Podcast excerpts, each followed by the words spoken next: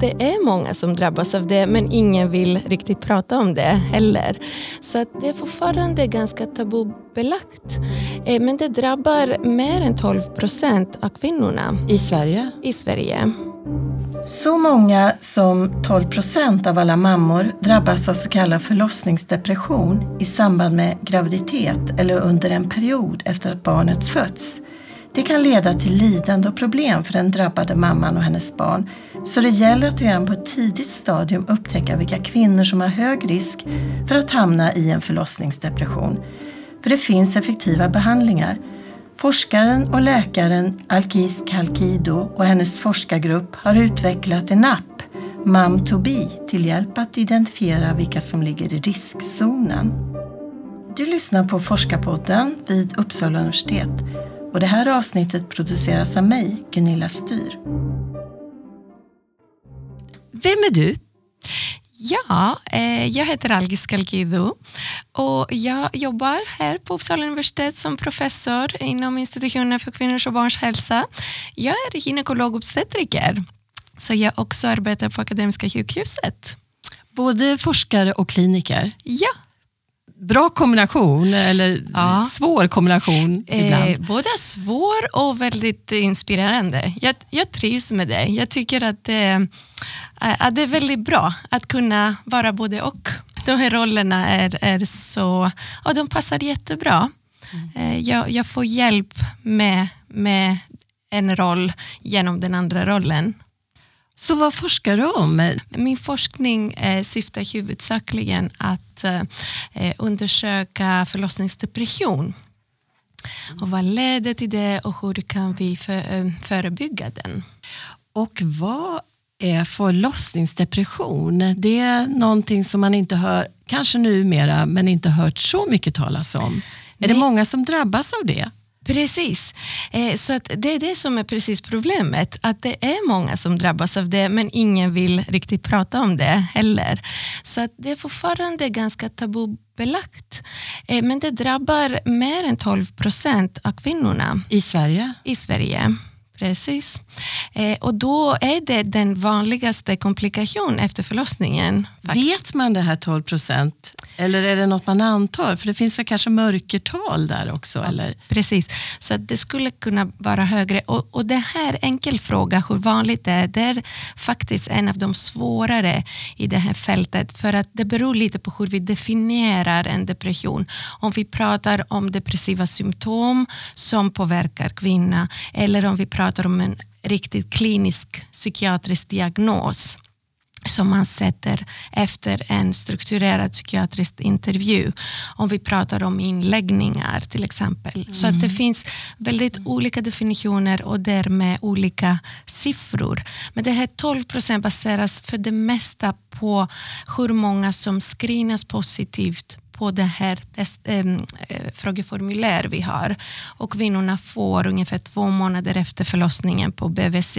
Får de det alla kvinnor som förlöses? det är tanken eh, och det är väldigt bra att i Sverige vi har det som mål. Men vi publicerar precis ett arbete och det stämmer med det vi hör från olika regioner att det är faktiskt ungefär 70 procent som screenas. Mm. Eh, så att vi, vi kan bli mycket bättre. För att precis som du säger, bland de som inte eh, screenas, det vi hittar det är kvinnor som behöver tolk, Mm. Kvinnor som har en låg socioekonomi, har kommit från andra länder, som, där vi vet att risken för, för förlossningsdepression hos dem är ännu högre. Eh, så att jag håller med dig att, att det, det kan finnas en mörkertal. Vi också ser förstås att eh, kvinnor som vi kontaktar eh, via våra studier berättar också att de har ibland svårt att erkänna till både sig själva och till um, personalen så att deras svar på enkäten inte alltid stämmer. För att det är väldigt svårt att säga att jag inte mår bra eh, under en period där alla förväntar att du ska må så mm. jättebra med ung frisk bebis. Så att det, det är tufft och, och ofta eh, säger dessa kvinnor efterhand där de ändå förstår att de har varit deprimerade. Att man försöker säga till sig själv att detta beror på att jag inte har sovit, att jag tar hand om bebisen hela tiden och sådär. Så att man eh, rationaliserar hela tiden och försöker undvika söka hjälp. Försöker förklara själv, hitta Ja. förklaringar. Precis. Kommer, drabb, kan den här drabba innan förlossning? Absolut. Så enligt diagnosen är någon depressiv episod som inträffas under graviditet eller inom de första fyra veckorna efter förlossningen. Så, så att den diagnosen nu är peripartum depression, så under graviditet och efter förlossningen. Eh, så att många av, av de som är deprimerade efter förlossningen, hälften har insjuknat redan under graviditet. Sen är det några som är deprimerade under graviditet, eh, ofta eh, de också har komorbiditet med förlossningsrädsla eller annat, oro för bebisen, som mår bra efteråt. Så det kan vara tvärtom, att de mår bättre efter förlossningen och några som debuterar med sina besvär just efter förlossningen. Okej. Kan, är det så att det går successivt? Eller, för det är inte så att man faller ner direkt i ett djupt hål. Eller kan det vara olika? Det kan vara väldigt olika. Vi har hört eh, väldigt olika. Eh, Det är några som faller som i en svart hål och speciellt de som drabbas av förlossningspsykos till exempel direkt efter förlossningen. Och så, Oj. det går väldigt fort. Men det är en helt separat tillstånd förstås. Det är inte ofta. Det är bara en av tusen mammor som drabbas av förlossningspsykos. Att ha till exempel blues efter förlossningen, att, att man mår nere, man gråter utan riktigt att man vet varför och så. Eh, Det är en riskfaktor att det här kommer att leda till en depression. Eh, men, så att, och det kommer ganska snabbt efter förlossning och blir aldrig bra utan det För man fortsätter. säger ju efter tredje dagen Ja. så brukar det vara sån där man börjar gråta och Precis. tycker att det är Ja. jättejobbigt allting. Ja. Det, det är väl mer normalt? Absolut, det, Ja. det är postpartum blues. Och det är Vad sa du det normalt. hette? Postpartum blues. Okej. Liksom att man är lite sådär Lite nere och lite sådär. Eh, och det är det som de flesta känner, upp till 80 procent har precis det du beskriver. Tre dagar till en vecka efter ungefär. Och så löses det allt av sig själv. Och, och man eh, tror att det här beror mera på de här extrema eh, hormonella svängningar efter förlossningen. Eh, Men, men några kvinnor, för några kvinnor så löses det inte. Nej. Utan de fortsätter att må värre och värre och värre. Och det är några andra kvinnor som har en period ändå där de mår bra och sen börjar de insjukna igen i en depression. Så att trots att de kliniska kriterierna säger att en peripartum depression borde ha eh, börjat inom fyra veckor från förlossningen. Vi, vi ser kliniskt, eh, mina kollegor från, inom psykiatri, att det kan vara kvinnor som börjar inse och få mer och mer symptom kanske sex veckor efter, åtta veckor efter eller lite senare. Så att ehm, det, det är lite skillnad mot den strikta psykiatriska eh, definitionen. Mm.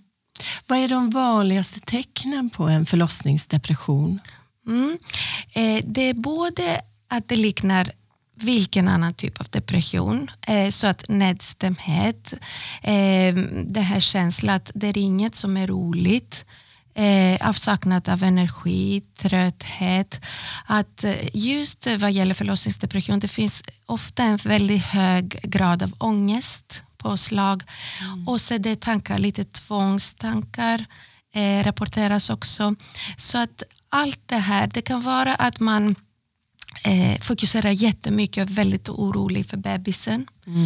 Eh, och sen självskadetankar eh, kommer. Trots att man har en liten bebis att ta hand om. Exakt. Ja, det, är- det är ett Ja. tillstånd förstås, det är klart. Ja, ja precis. Det, det, jag brukar säga till kvinnorna vi pratar med att det här är, tänk att du fick graviditetsdiabetes Mm. eller graviditetshypertoni. Det här har inget att göra med hur bra du är som mamma Nej. eller som person. Det här är en tillstånd som du råkade ut för. Det är 12 procent av mammor eh, i övrigt som också drabbas. Det här är väldigt vanligt.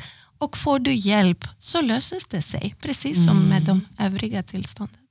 Är det fler i Sverige än utomlands tror man? Vet man det? Eh, nej, enligt eh, de här eh, prevalenssiffrorna det är inte mer i Sverige utan det är eh, länder eh, som är så det är developing länder som har högre Ehm, för, så att riskfaktorerna är lite olika men låg socioekonomi och låg stöd eh, som ofta, eh, det kanske inte är fallet i Sverige så mycket men i andra länder så, så står ensammammorna ensamma utan stöd med hög ekonomisk osäkerhet och då är det en väldigt stark riskfaktor.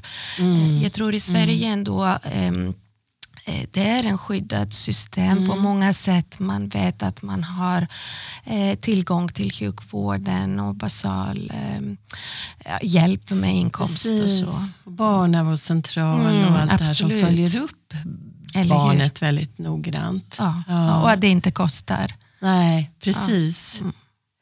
Men vad är det som händer i kroppen? Kroppen vid en sån här depression? Mm. Så min forskning hittills har som du säger fokuserat jättemycket på alla biologiska system och hur de påverkas och, och, om vi skulle kunna identifiera några markörer som skulle kunna hjälpa oss identifiera kvinnorna tidigt som, som ska drabbas.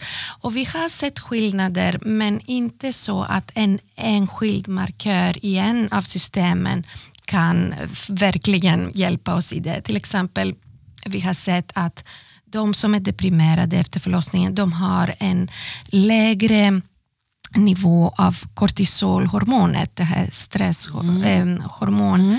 eh, under några, eh, några timmar under dagen. För att det här hormon fluktuerar jättemycket och vi ser att det går inte så mycket upp under morgonen som det ska men det blir högre på kvällen. Mm.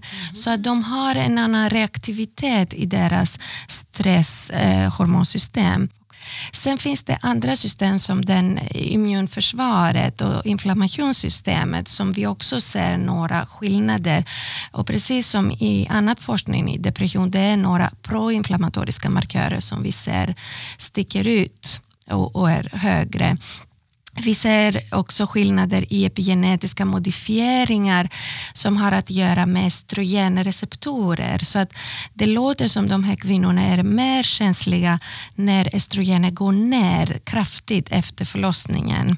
Mm. Det är som att de verkligen saknar det här estrogenet, precis som i klimakteriet. Mm. När mm. estrogennivåerna går ner. Okay. Ja, och de flesta kvinnor klarar det här jättebra. Men det är en, en del som, som verkligen kämpa med det. Men ja. vi, vi jobbar jättemycket parallellt med biologin och nu eh, börjar vi också fundera lite på, okej, okay, finns det några andra markörer i den här kvinnans anamnes, vad som har hänt tidigare i hennes liv, personlighet och sådär. Lite grann arv och miljö här. Ja, ja. precis. Vad man har för sig i bagaget och ja. sen vad man får för exponeringar i livet och speciellt under graviditet som är en så kritisk period. Interaktionen mellan alla dessa faktorer ger en viss risk för att en enskild kvinna ska drabbas. Och det är det vi vill nu använda, de här nya metoder med artificiell intelligens och machine learning, att hjälpa oss göra en liten algoritm och börja se, okej, okay, men vilka av våra patienter, mm. vilka som är deprimerade mm. under graviditet, de ska vi ta hand om.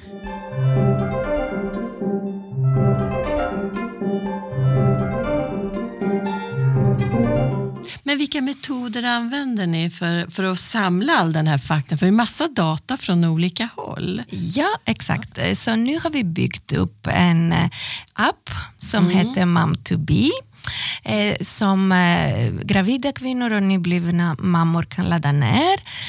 Och det är en app för att vi kände att vi måste göra någonting för att göra det enkelt för kvinnorna. Vi vill att det kommer korta enkäter som, som går lätt att fylla i och det kommer ganska tätt men att det är väldigt lätt för dem att bara spendera en två minuter varannan, var tredje dag. Vi har eh, identifierat som riskfaktorer i tidigare studier om personlighet, om tidiga traumatiska livshändelser, eh, andra livshändelser som nu är stress i, i livet mm. eller deras eh, resiliensnivå, motståndskraft, hur mm. de hantera saker och ting och det har visat sig också vara väldigt prediktivt. Hur de hanterar vad för någonting till exempel? Att när, när du får någon dålig besked eller om du tappar en vän eller Ja. om, om det blir sådana påfrestningar.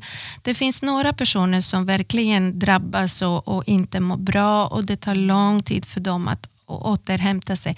Och det finns andra personer som har ändå de verktyg som behövs för att andas ut och ta nya krafter och fortsätta. Det finns validerade Ja. skalor med specifika frågor och det brukar vara en, um, sådär en skala från 0 till 7 och då, och då får de fylla i och till slut så får man en slutskål eller poäng. Eh, och det kan vi använda för att eh, använda i vår eh, riskbedömningsmodell. Så att våra deltagare laddar ner appen och så börjar de fylla i all den här information. Eh, Vi också ber dem om de vill att registrera lite när de läser upp lite texter.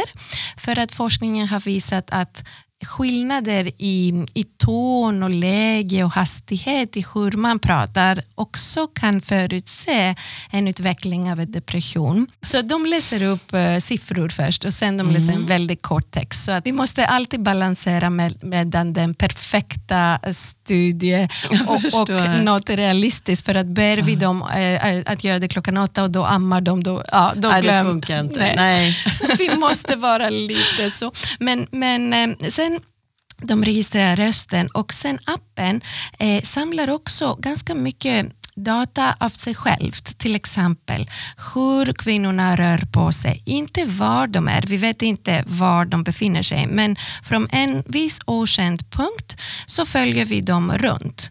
Så att vi kan se om de börjar avvika från deras vanliga sätt att röra sig på. Kan man se om de går en ut, alltså Ja. en kilometer och går tillbaka? Vi vet, typ, precis, vi vet eh, hur eh, deras GPS-koordinat förändras i jämförelse till en okänd punkt och, och vi ser hur snabbt de förflyttar sig. Så att vi kan beräkna lite om de springer eller cyklar eller så.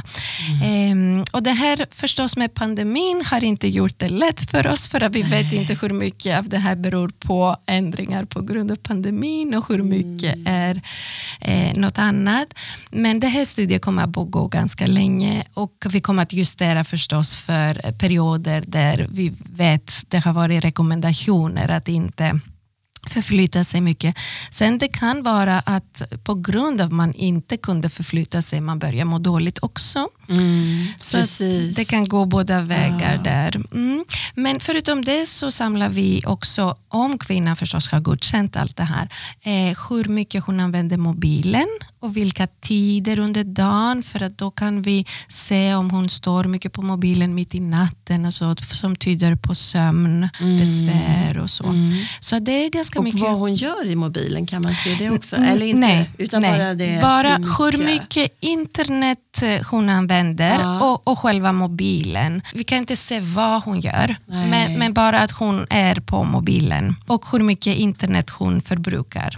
Jag tror att det som är eh, intressant är en förändring i en viss kvinnans mönster från det hon mår bra. Eh, så att eh, antingen när hon börjar använda mer och speciellt när under dagen eller att hon börjar använda mindre, att hon har ingen intresse att hålla koll på eh, nyheter, väninnor och, och sådär. Eh, så att vi kommer att fokusera mer, mer på eh, förändring i mönster. Tanken är att vi ska sätta ihop allt det här självrapporterade information, information som kom, vi kommer att få från register, ehm, eh, journaler, ehm, Alltså den medicinska det medicinska, informationen. Ja. absolut. Och sen det här passiva mätningar från mobilen och rösten. Eh, och all det här data kommer att bearbetas med de här nya metoder med machine learning som kan ge oss en prediktiv modell att bland dessa kvinnor som nu mår bra, vi ser att den här gruppen börjar förändra deras mönster på ett sätt som tyder att sen, vi vet att de, de kommer att utveckla en depression för att då kommer vi att ha följt dem Hur länge har den här appen funnits? Har ni hunnit att att liksom se någonting av det här Ja. mönstret? Nej, vi har inte analyserat än Nej. för att vi släppte appen eh, på slutet förra året, eh, december 2019. Så att eh, vi har jobbat väldigt mycket med att fixa varenda liten bugg som kommer upp och några fick tusen meddelande att när, bebisen, när kommer bebisen och när kommer bebisen, när bebisen har faktiskt kommit. Så det är jättemycket sånt som man, man måste verkligen justera exakt så att kvinnorna mår bra i att använda det, att de inte blir frustrerade förstås när det inte är rätt och så. Men det har fungerat bra i några månader. Vi har mer än 2000 kvinnor som har laddat ner appen Ifrån hela, från hela Sverige. hela Sverige? Precis, vi jobbar nu mycket med att försöka öka rekryteringstakt och det gör man via sociala medier nu för tiden. Det kräver Mm. finansiering så att vi skriver massa ansökningar och har Ah, precis fått eh, en, godkänd an- ansökan så att det känns jättebra Jaha, från eh, Vetenskapsrådet. Ja. Så att vi kommer att kunna eh, öka nu eh, vår rekryteringstakt. Men det visar att kvinnorna är väldigt intresserade och fortsätter använda appen. De flesta av dem. Så att vi är väldigt nöjda och vi ser fram emot förstås när vi... Problemet med den här typen av studier är att man verkligen vill ha väldigt många med. Vi siktar på 20 000 kvinnor. Ah. Så att det kommer att ta oss en liten stund. eh, Men jag verkligen hoppas att, att eh, kvinnor nationellt kan inse att det här verkligen kan översättas väldigt snabbt till något som är av värde. För att sen kommer vi att banta ner allt det här som de behöver fylla i förstås och bara fokusera på det vi ser. Som är avgörande. Eller hur? Ja. Eh, och då blir det mycket, mycket enklare. Det kan vara ett verktyg som mödravården kanske skulle vilja få lite signaler att oj, det här kvinnan börjar följa ändå en mönster som är, eh, som är kopplat till högre risk. Kanske vi måste ändå ha lite tätare kontakt med henne och så vidare. Så att eh, vi, vi ser detta både som en, en helt ny och modern sätt att samla in data men också något som kan överföras direkt till praktisk nytta för kvinnor. Man kan få in väldigt lätt interventioner till exempel. Att det ploppar upp information, det ploppar upp kvinnan. Man kanske bör prata med din barnmorska. Direkt, Direkt i, i appen, så appen. säga. Mm. För, för jag tänker, vad, för tanken är sen när ni har fått samlat den Mm. här informationen så kommer det att vidareförmedlas via kvinnan eller till direkt till mödravården eller barn-BVC eller? Det vet vi inte riktigt. eh, och, och det är förstås klart att du vill inte göra någon orolig heller. Nej. Eh, å andra sidan, så därför, det, det måste, vi måste göra andra studier där för att se vad är bäst. Är det bäst att börja liksom flagga till kvinnan själv? Är det bäst att det här förmedlas till mödravården och då får barnmorska undersöka något vidare? Så att dessa är eh, de här studierna som kommer efter det här första stadium där vi verkligen utvecklar modellerna om hur vi ska implementera modellerna. Men jag, jag känner att det som är bra med appen är att du kan ha många nivåer av self-help till kvinnorna innan vården behöver komma in med sina resurser. Och så att man gör allt det här mest kosteffektivt för att vi vet att vi har inga resurser nu. Det är tajt och vi måste vara väldigt smarta och använda de här resurserna på bästa sätt. Så då tänker jag att det kan vara några steg som man använder appen med och sen när det här inte räcker, då, då, kan man, då måste man signalera vid- vidare antingen kvinnan själv söker vården eller att vården eh, Ta kontakt, tar kontakt. Så tanken är att eh, vi kommer att fånga upp högriskgrupper innan de hamnar i en depression. För att precis som du säger, när man har hamnat i en depression då blir det mycket svårare. Eh, energinivå går ner, koncentration, ork och så. Men innan så kan man eh, verkligen få ganska mycket information om hur kan jag förbättra min vardag, minimera stressorer, vila mera. Mycket handlar bland dessa kvinnor att de gör jättemycket. De orkar med väldigt mycket på många olika plan. Och de är den typiska duktiga liksom, Mm, eh, flickan som ska klara av allt. Ja. Och det är viktigt att man kommer in tidigt och stödjer dem och säger du behöver faktiskt inte göra det här. Det, det är risk att, att det tar slut din otroliga energi och du måste tänka på dig. Du Mm. måste försöka gå ut, promenera, ta solen. Så att Mm. det finns ändå ganska mycket man kan förvarna och ändra deras sätt att ehm, hantera det här att allt ligger på mig, jag ska klara av allt och annars är jag ingen bra mamma eller så. Mm. Mm. Och att förebygga är 10-100 gånger bättre än att behandla förstås.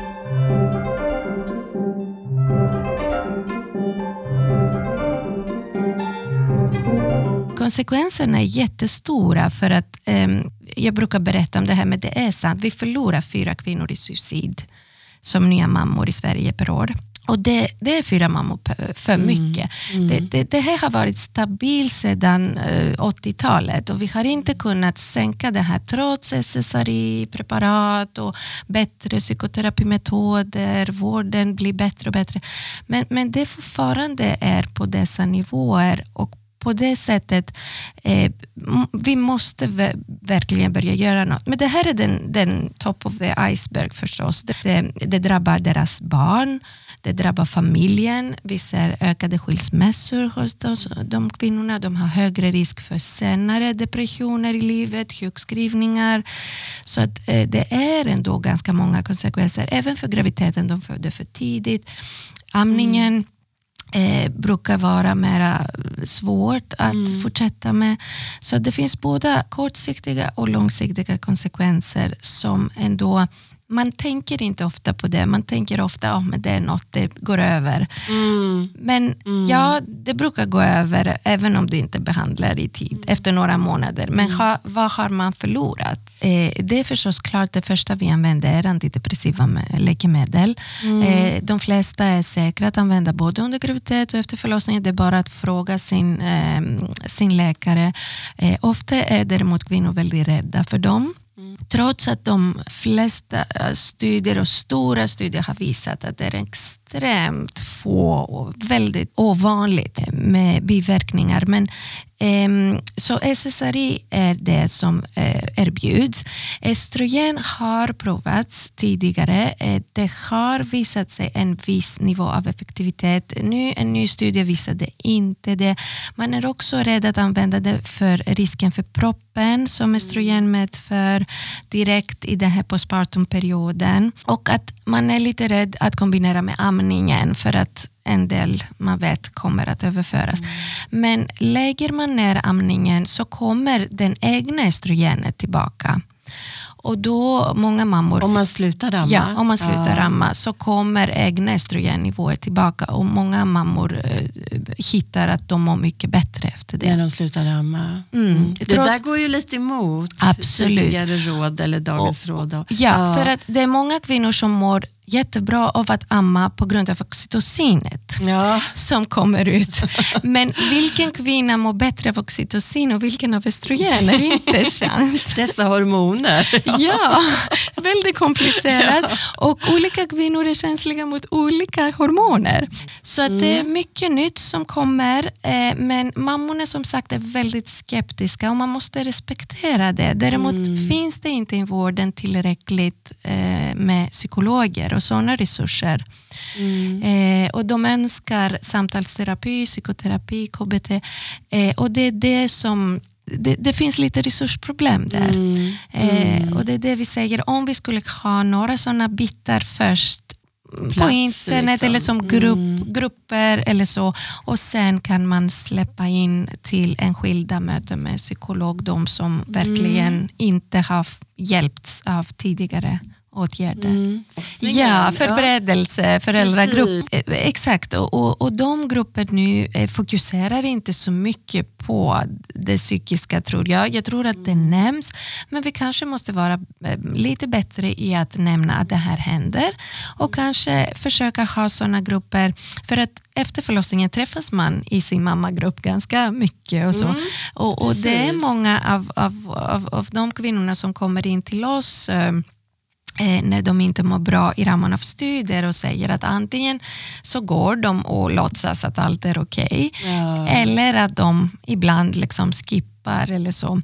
Men fanns det kanske grupper för just mammorna som har det här, de här symptomen, då, då kanske skulle det vara bättre för dem. De kunde öppna upp och så. Om man ska prata lite grann om BOMER. Ja. Mm. Eh, psykisk ohälsa är ett växande problem med stora mm. kostnader för samhället och kvinnorna extra utsatta. Mm. Och eh, det, här, det här är ett tvärvetenskapligt centrum som nyligen invigdes. Ja. Vad är målet med WOMER? Eh, vi är väldigt entusiastiska, som du säger precis. Det, det, mm, vi, vi har försökt samla alla intresserade forskare från alla tre domäner i vårt universitet. Och, och, vi var så glada att se att så många var ändå intresserade. Eh, och alla de här diskussioner som började med att någon började säga något och sen alla pitchade in och till slut blir det så många idéer som har fötts. och det är precis det som är målet med Centrum, att, att få med allt det här interdisciplinär kompetens som vi har på Uppsala universitet och, och jobba allihopa mot eh, att eh, bekämpa psykisk ohälsa mm. hos kvinnor som är en ökande problem, speciellt hos yngre mm. tjejer nu. Men, men vi ser att, att det är en stor skillnad mellan kvinnor och män under de reproduktiva åren. Det är precis då det skiljer sig. Från pubertet, genom det här med, med barnafödande och sen toppar igen vid klimakteriet. Det finns en stor skillnad och det är det vi känner att vi behöver få alla våra resurser inom universitetet att samarbeta. Och det är en, en eh, otrolig ansamling av eh, väldigt, väldigt både duktiga personer i det de gör men otroligt engagerade och entusiastiska. Och förstås att vi har uppskattat det, det stödet eh, man fick från, från ledningen. Att de insåg eh, hur ja, att det här var faktiskt en kunskapslucka, någonting vi borde titta på. Det är där vi behöver våra kollegor mm. från mm. humaniora. Mm. Att, att man försöker gå in med, med en sån där historiskt perspektiv eller de här kvalitativa intervjuer eller så och försöka mm. Eh, förstå mm. vad har förändrats som har lett det är jättemånga, vi hade 41 tror jag, ansökningar för projekt och de var alla så bra så att eh, jag tror granskarna fick lite tufft där att bestämma.